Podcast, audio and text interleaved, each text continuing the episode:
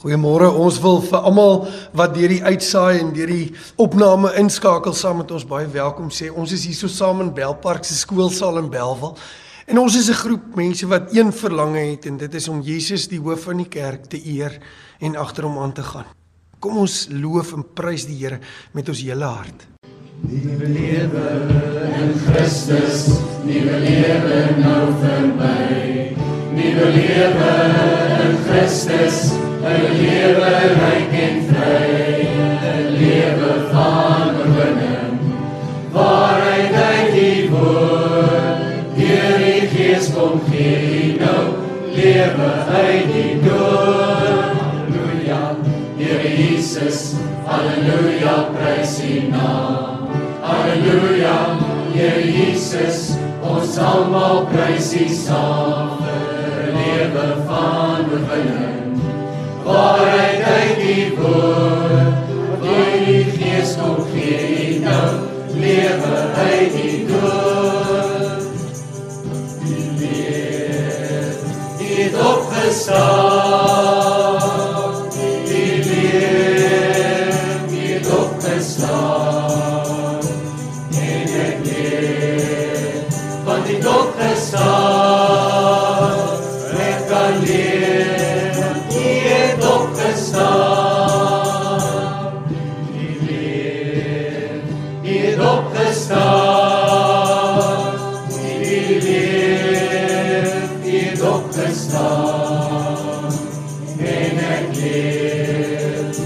wat het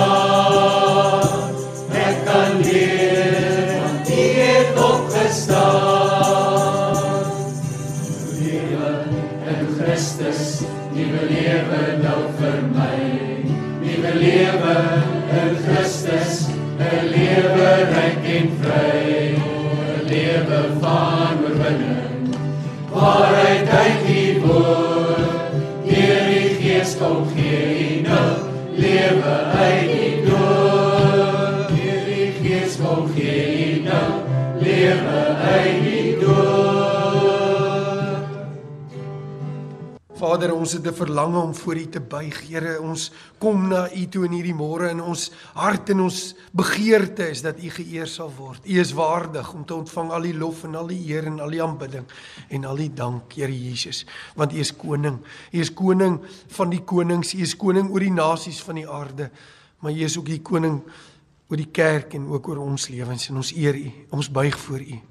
En Here, ons gebed vir oggend is dat U ons in die waarheid sal lei, dat U U woord sal oopbreek en dat U woord vir oggend Here Jesus met ons elkeen sal praat en dat U deur U Gees dit sal vertolk in ons harte, maar Here dat U woord ook profeties in ons land sal praat. Ons bid dit in Jesus se naam en ons gebed vir oggend is dat U ons sal lei in U waarheid.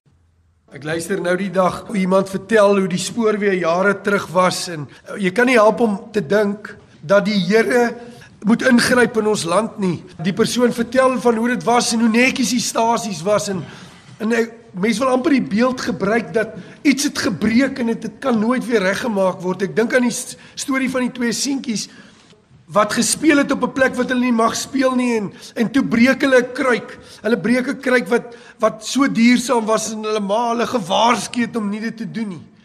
En die maatjie wat by die een gespeel het, het gesê nee maar kom ons plak dit weer vas. Die tyd van hierdie kruik het afgebreek. Kom ons plak dit net met wondergom vas. Hy sê kom kom ons maak dit so en dan draai ons dit so dat dat hulle nie kan sien nie. En sy maat wie se huis dit was sê maar dit dit gaan mos nie werk nie. Wat gaan dit nou help? Hy sê dit gaan vir ons tyd wen. Sê dit gaan vir ons tyd wen. Hy sê maar die tyd gaan nie waarvoor gaan dit vir ons tyd wen? Hy sê dit gaan tyd wen dat ek kan wegkom. En dit ek kry 'n gevoel, mense dink dinge het so gebreek in ons land en ons wil net tyd wen dat ons kan wegkom. En ons gaan vandag kyk na Habakuk en ons gaan kyk na wat wat wil die Here deur sy woord sê met ons. Want die Here het 'n woord ook vir ons in hierdie dag. En dit is begin van September en dit is lentetyd en die Here het 'n hart en die Here het 'n begeerte en soos wat die lente 'n nuwe seisoen het, het die Here 'n woord vir Suid-Afrika. En die Here wil nie en daai woord is nie om weg te hardloop nie. Daai woord is nie om weg te hardloop om tyd te wen om weg te kom nie. Daai woord is die woord van die Here vir vandag. Maar u kan dalk vir my sê, maar hoekom Habakuk? Besluit u maar self. Ek gaan net die etlike verse deur Habakuk lees, maar besluit u self of Habakuk relevant is. Kom ons begin by Habakuk 1 vers 2. Dan sê hy: "Geweld, ons roep geweld En Here, U antwoord nie. Is dit relevant? Is dit relevant vir ons samelewing? Hy uitroep so by Habakuk in die tyd. Hy sê geweld, Here, die samelewing is vas in geweld. Ons sit met soveel plaasmoorde, ons sit verslae, ons weet nie wat om te doen nie. Ons sit in die Kaap, in die Kaapse vlakte en ons en ons besef die bende geweld druk hand uit. Hulle moet die die weermag inbring en selfs dit stop nie die moorde nie. Die geweld loop in ons land. Ons roep na die Here. Maar niks. Dit lyk asof hy nie antwoord nie. Ons weet nie wat om te doen nie. Dis wat in Habakuk se tyd gebeur het. Hulle het geroep en hulle het geweet wat wat nou nie. Hoekom nie? Hoekom antwoord die Here nie? Dis groot genoeg krisis, die krisis van geweld in 'n land wat stikkend breek. Maar hoekom antwoord nie? Nou raak my krisis groter. Nou raak my krisis 'n geloofskrisis want die Here antwoord nie terwyl ons roep nie. Dis nie net stikkend nie, maar waar is die Here ook nou? Die krisis in ons land het 'n geloofskrisis geraak en baie kinders van die Here, miskien u vandag, het begin moedeloos raak. U is moedeloos soos wat u vandag luister.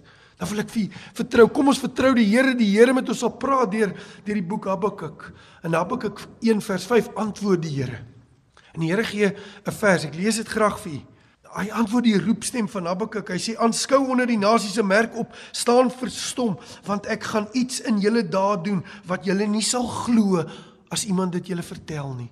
En ek het al baie keer gehoor Mense gebruik hierdie as 'n as 'n voorbeeld van 'n wonderlike belofte dat die Here sê ek gaan iets doen in julle tyd wat julle nie kan glo nie. Dis 'n wonderlike belofte, maar dis nie hier 'n belofte nie.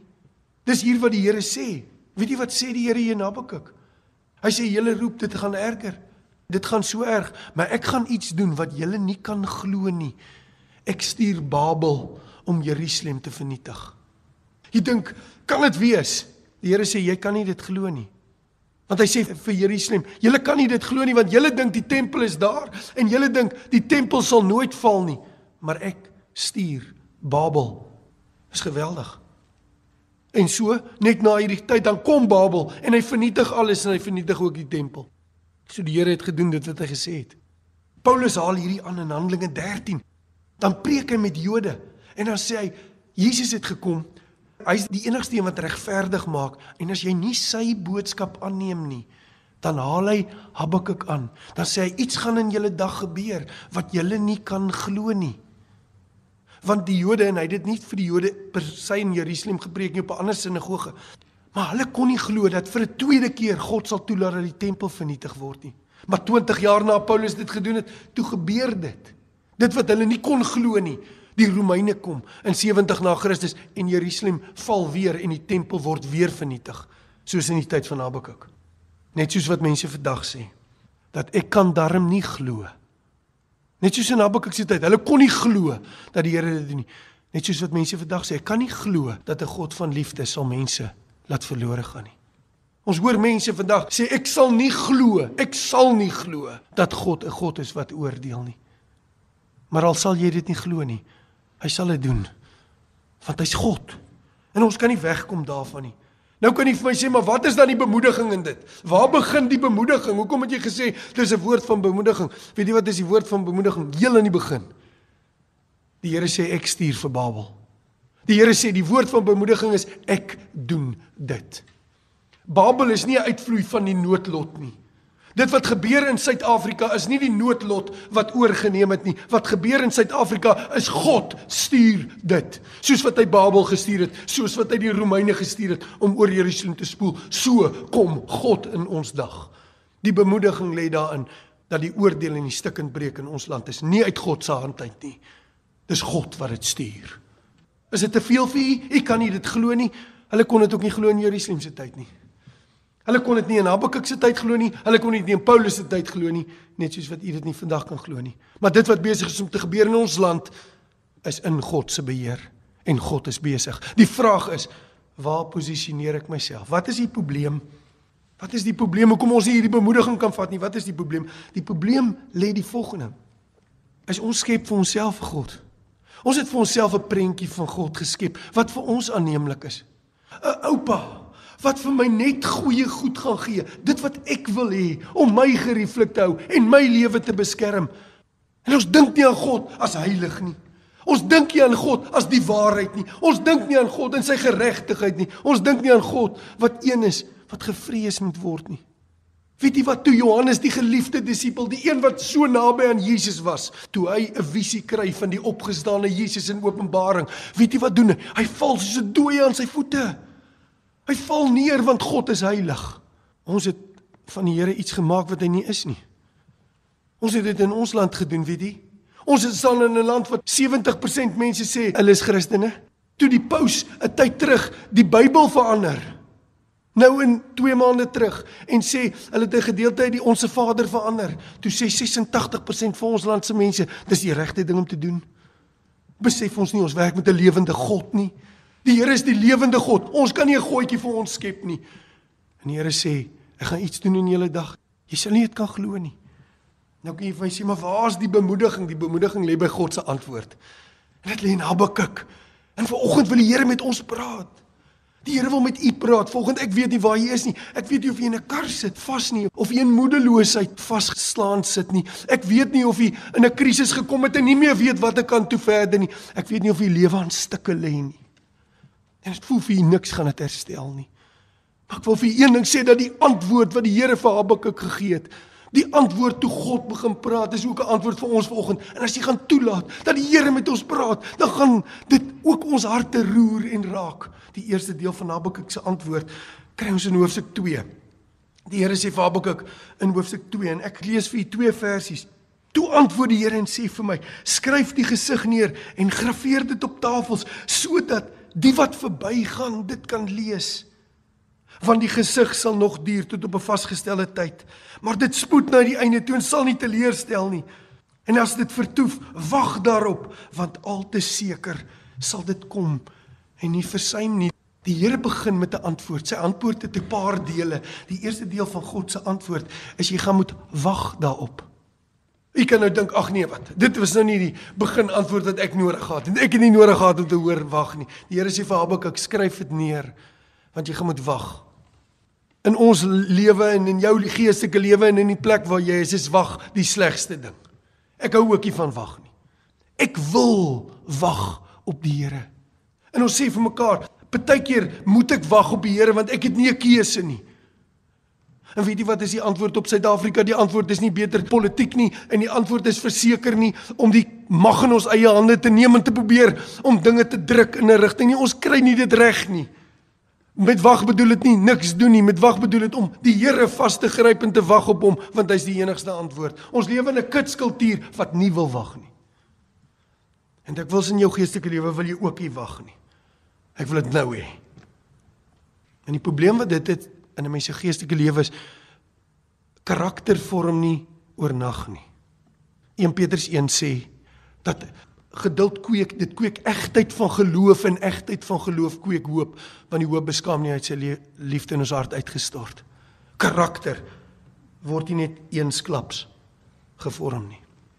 So waar ons nou sit en waar jy in jou krisis sit is die eerste tree om te sê Here ek sal wag op u nie net wag nie nie net niks doen nie nie net hande vou sit nie die tyd vir hande vou sit is lankal verby dit was nog nooit daar nie Nee, wag op die Here. Wag op die Here is iets anders, maar ons kom by die tweede deel van die antwoord want want weet jy dit raak al hoe interessanter en dit het gebeur.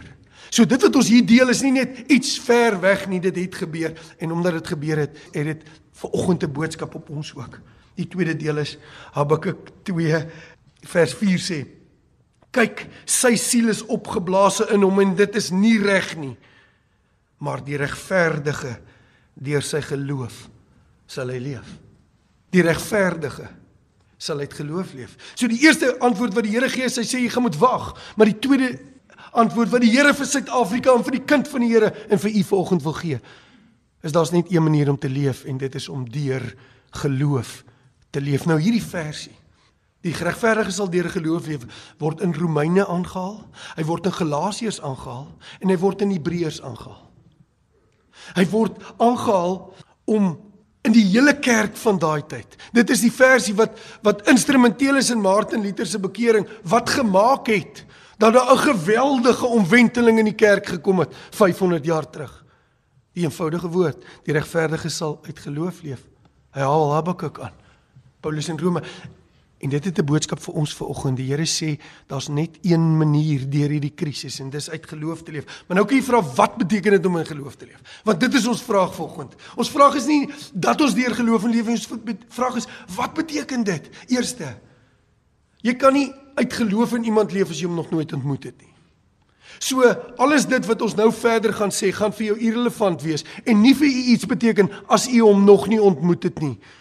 'n bekende professor by die Kweekskool op Stellenbosch in die 50er jare het die volgende gesê van sy getuienis. Hy het gesê dat 'n dag in sy lewe aangebreek toe die Here, die God van die heelal sy Here geraak het en dat 'n dag aangebreek wanneer die Bybel die woord van God vir hom geraak het. Hy het met die Here ontmoet. So alles van om in geloof te leef in hierdie vier goed wat ons nou gaan noem, oor wat dit beteken om in geloof te leef, gaan nie vir jou werk as jy nog nie met die Here ontmoet nie. Ek wil vir u vra, wil jy nie na hom toe kom nie. Die Here Jesus nooi ons gedurig uit, kom na my toe almal wat moeg en oorlaai is. Ken jy hom of weet jy van hom? Dis die vraag. So om uit geloof te leef, die antwoord wat Habakuk gee, het vier dele. Eerste, ek moet glo dat God in beheer is. Dis waar geloofslewe begin. Ek moet glo dat ongeag in my stikkende situasie en ongeag in die krisis in ons land en dit wat besig is om aan te storm, God is in beheer. Hy's die een wat sê ek stuur Babel. Ek is in beheer. Glo jy dit? Glo jy selfs in die situasie? Selfs nie chaos, selfs al het u dit self veroorsaak dat God in beheer is. Glo jy dit? Want hy is. En hy wil vanoggend sê, as jy uit regverdige uit geloof leef, dan glo jy eers ek is in beheer. God is in beheer in jou situasie. En as jy sal buig in daai situasie, sal hy deurbreek. Ek moet glo dat God in beheer is. Die tweede, die regverdige sal deur geloof leef beteken dat hy is lief vir my. Hy's nie net iemand wat kosmies daar een kant bo sit en in die beheer is van die van die heelal is nie, maar hy is lief vir my tot by die punt dat sy liefde nie net woorde was wat hy op papier gesit het of uitgespreek het eendag nie, maar sy woorde het gemaak dat Christus vlees word, onder ons kom bly, die volheid van die straf en die volheid van my sonde op hom geneem het. Stikkend gebreek is aan 'n kruis op Golgotha. Hy wat my liefgehad het en homself vir my oorgegee het. Dis die liefde. Die God wat in beheer is van die heelal, wat in beheer is van jou lewe is ook lief vir jou. Dis die tweede punt in om 'n geloof te leef. Die derde punt en alles wat met jou gebeur is die uitvloeisel van sy liefde ook. Kan dit wees? Ja. Die derde ding om uit geloof te leef is om te weet hy's altyd by jou. Hy's altyd by jou.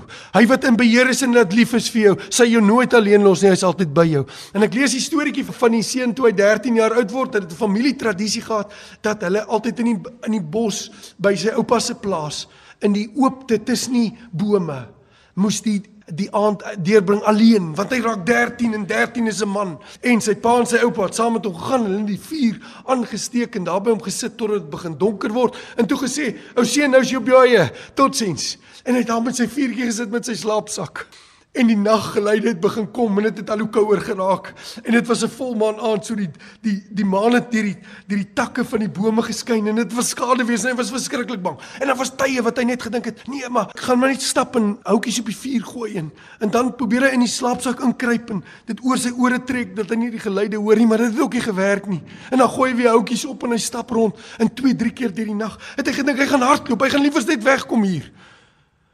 Maar hy het besef hy moet deur hierdie angsnag En ten einde laaste die lig begin oggend word en dit was ook 'n bietjie spookagtig soos wat die oggend gekom het en die lig gekom het en hy die bome sien en die bome maak skade wees maar die oggendlig begin deurbreek en hy kan seker wees daar's iemand agter daai een boom. En hy dink dit is so en hy dink hy moet hardloop en toe hy nader stap en kyk, toe sien hy dis sy pa. Hy was al die tyd daar. Hy was nooit alleen nie. In hierdie stikkindheid en die angs van 'n nag wat jy dink jy's absoluut op jou eie in hierdie krisis is daar 'n God wat weet jy's nooit alleen nie. Hy's by jou elke oomblik. Die lewe van geloof is nie net hy's in beheer nie. En hy wat in beheer is is lief vir jou nie, maar as jy jou nooit los nie, is hy altyd by jou in jou krisis. Waar jy sit, ek weet nie waar dit is nie. Ek wens ek kan langs jou sit, maar hy's daar. En dan hy sal getrou wees. Die vierde punt is hy sal getrou wees. Hy is in beheer. Hy is lief vir jou. Hy los jou nooit alleen nie, hy is heeltyd by jou en hy sal getrou wees. Die woord sê te vreugde daarom getrou te wees al is jy ontrou. Hy bly getrou. Maar die vers sê iets anders. Hy sê nie net hierdie vier punte nie, hy sê die siel wat opgeblaas is, is nie reg nie. Maar die regverdige sal deur geloof leef. En dit sê hy, daar's een vyand van die lewe en geloof en dis self. Ek kan dit doen. Ek sal dit doen. En dis wat gebeur in ons land. Ons dink ons kan dit doen. Iemand sê nou die dag arrogant oor die oor die media op die koerant opskrifte sê die Stellenbosch 5 of die maffia Stellenbosch maffia ek weet nie wie dit is maar as ryk oues daar iewers. Hulle kan dalk ons land help. Hulle kan ons land red. Wat 'n leuen wat 'n leuen. Self gaan nie dit doen nie. Self staan teen die lewe van geloof. Die ding van ek kan dit doen. En daarom sê Jesus in Johannes 15 hy sê sonder my kan jy niks doen nie En voordat ek en u kan verstaan, deur hom is ek tot alles in staat, Filippense 4. Deur hom wat my krag gee, ek is tot alles in staat, moet ek eers verstaan. Sonder hom kan ek niks doen nie.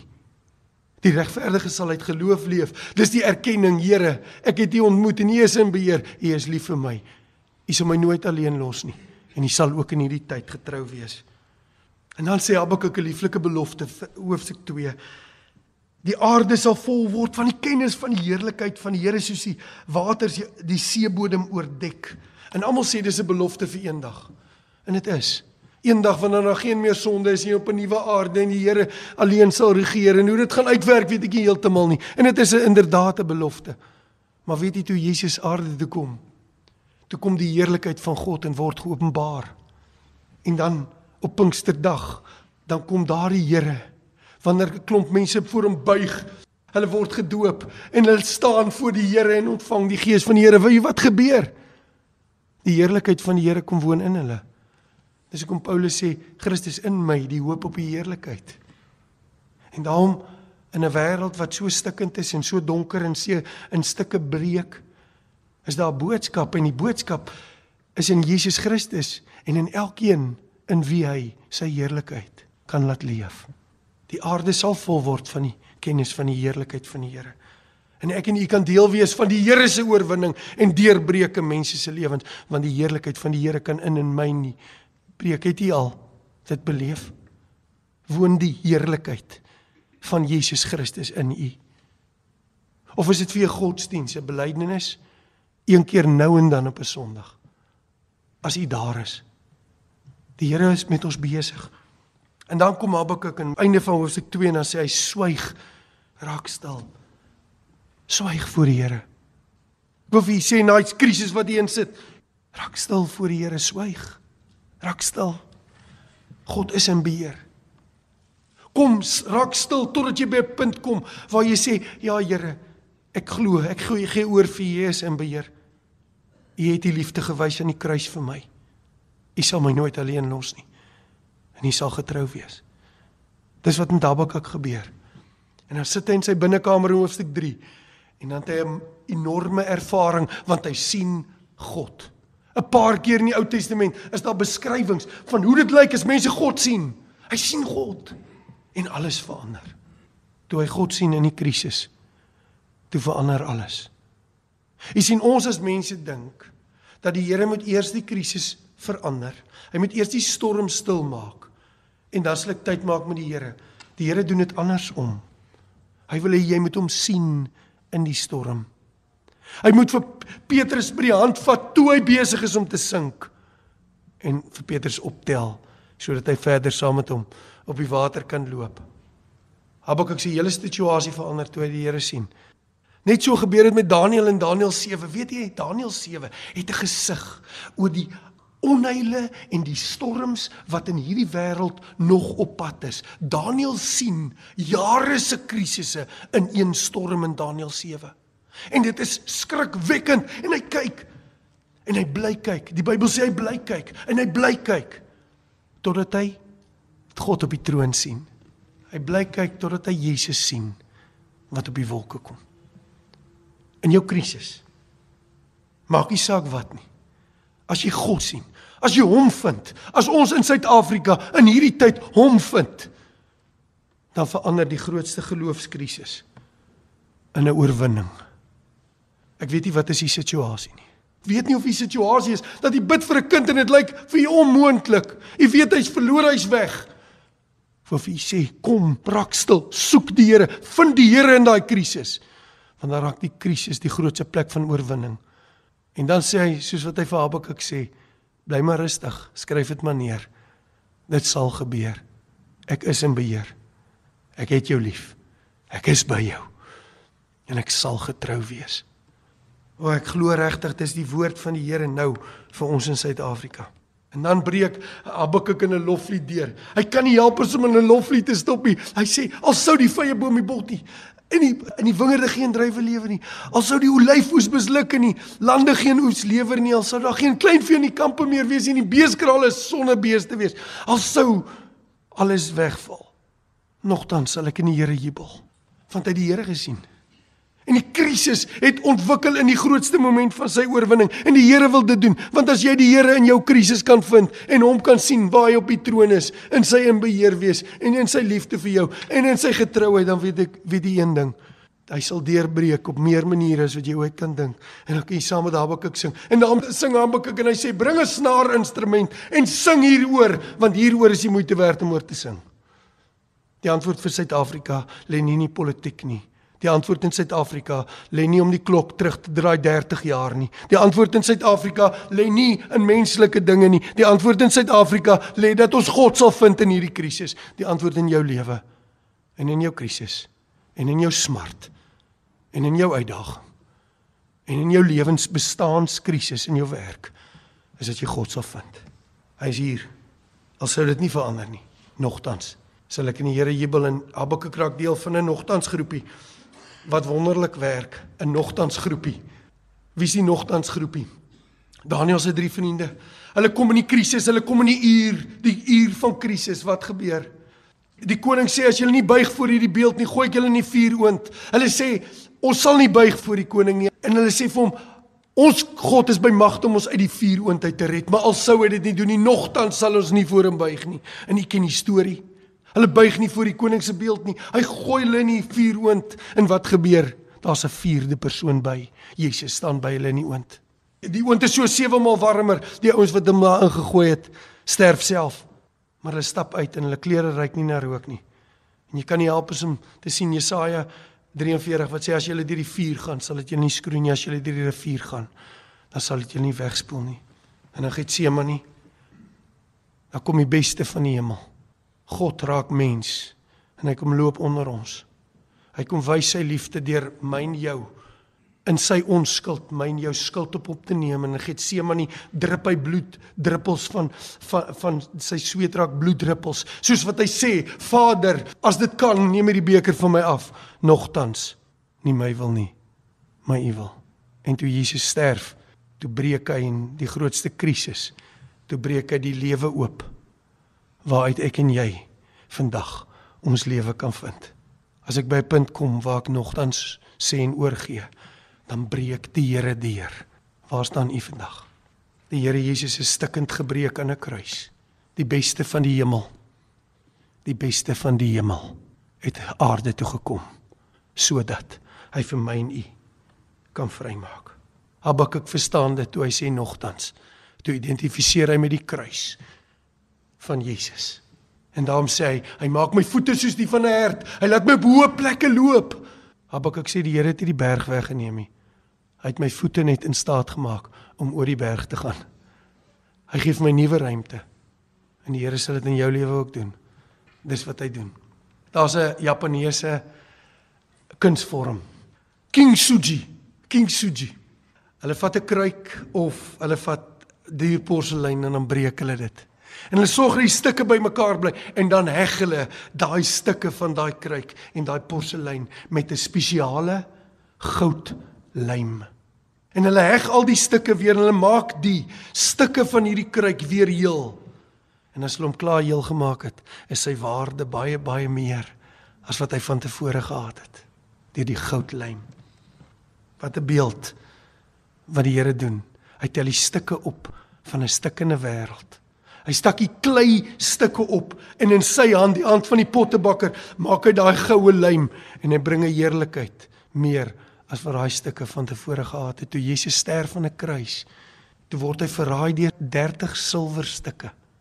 En Judas gaan pleeg selfmoord op 'n stuk grond buitekant Jerusalem en die grond behoort aan die pottebakker. Ons lees in Jeremia 19 daarvan Tofet. En dan koop hulle daai stuk grond. Weet jy waar was daai grond voorgebruik?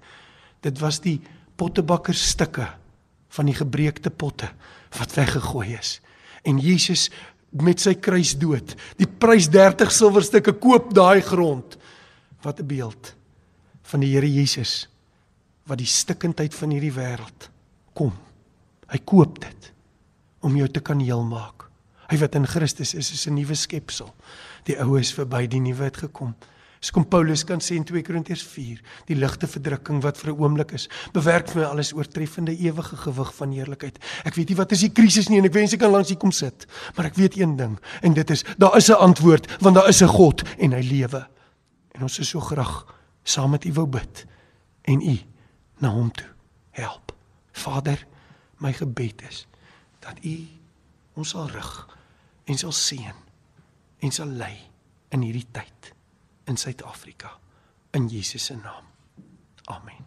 Ons gaan nou die Here eer met 'n lofsang.